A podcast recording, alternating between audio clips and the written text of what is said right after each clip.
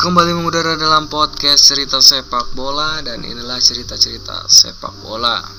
Dagelan Pangeran Biru dan Persitara Jakarta Utara. Mungkin sebagian dari kalian masih ada yang ingat dengan memori ini, memori yang tercatat di sejarah sepak bola nasional kita. Bukan memori yang manis, melainkan memori memalukan yang dilakukan oleh dua klub besar Indonesia tim sekelas Persib Bandung melakukan dagelan yang dirasa sangat konyol sekali waktu itu. Label Liga Super Indonesia memang benar-benar super. Tim yang bercokol di papan di papan bawah klasmen Persitara Jakarta Utara mampu melumat Persib Bandung kala itu.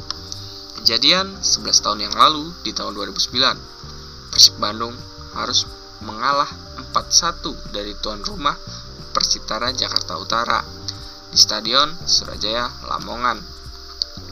4 gol kreasi John Takwar, Song Kalie, Rahmat Rifai, Esaya, Pelo Benson, dan Kabar Prince Pelo hanya mampu dibalas sebiji gol dari Hilton Morera.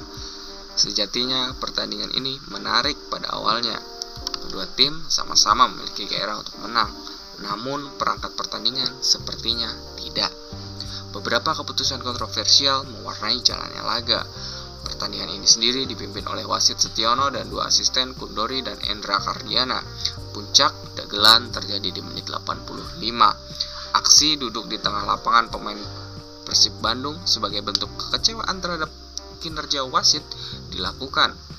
Aksi tersebut memasuki menit 85 mereka membiarkan gawang mereka yang dijaga oleh Tema Mursyadat dibobol 2 gol di menit 85 dan 90 masing-masing oleh Esayah Pelo Benson dan Kabir Prince Belo.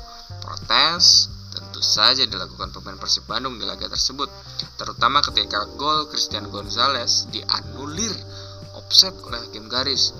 Di penghujung laga, puncak kekesalan pemain Persib Bandung terjadi. Kericuhan terjadi antara perangkat pertandingan dan ofisial Persib. Kejadian yang lumrah lah sepertinya untuk sepak bola nasional. Kejadian yang membekas bagi penikmat sepak bola Indonesia. Kejadian ini sekaligus menjadi tamparan bagi PSSI. PSSI yang masih saja jemawa. PSSI sepertinya sudah sejak lama sakit. Sepak bola kita memang semrawut. Semrawut pengelolanya, semrawut penyelenggaranya, semrawut aturannya, semrawut perangkat pertandingannya. Tapi kalau bukan karena cinta, apalagi yang mampu membuat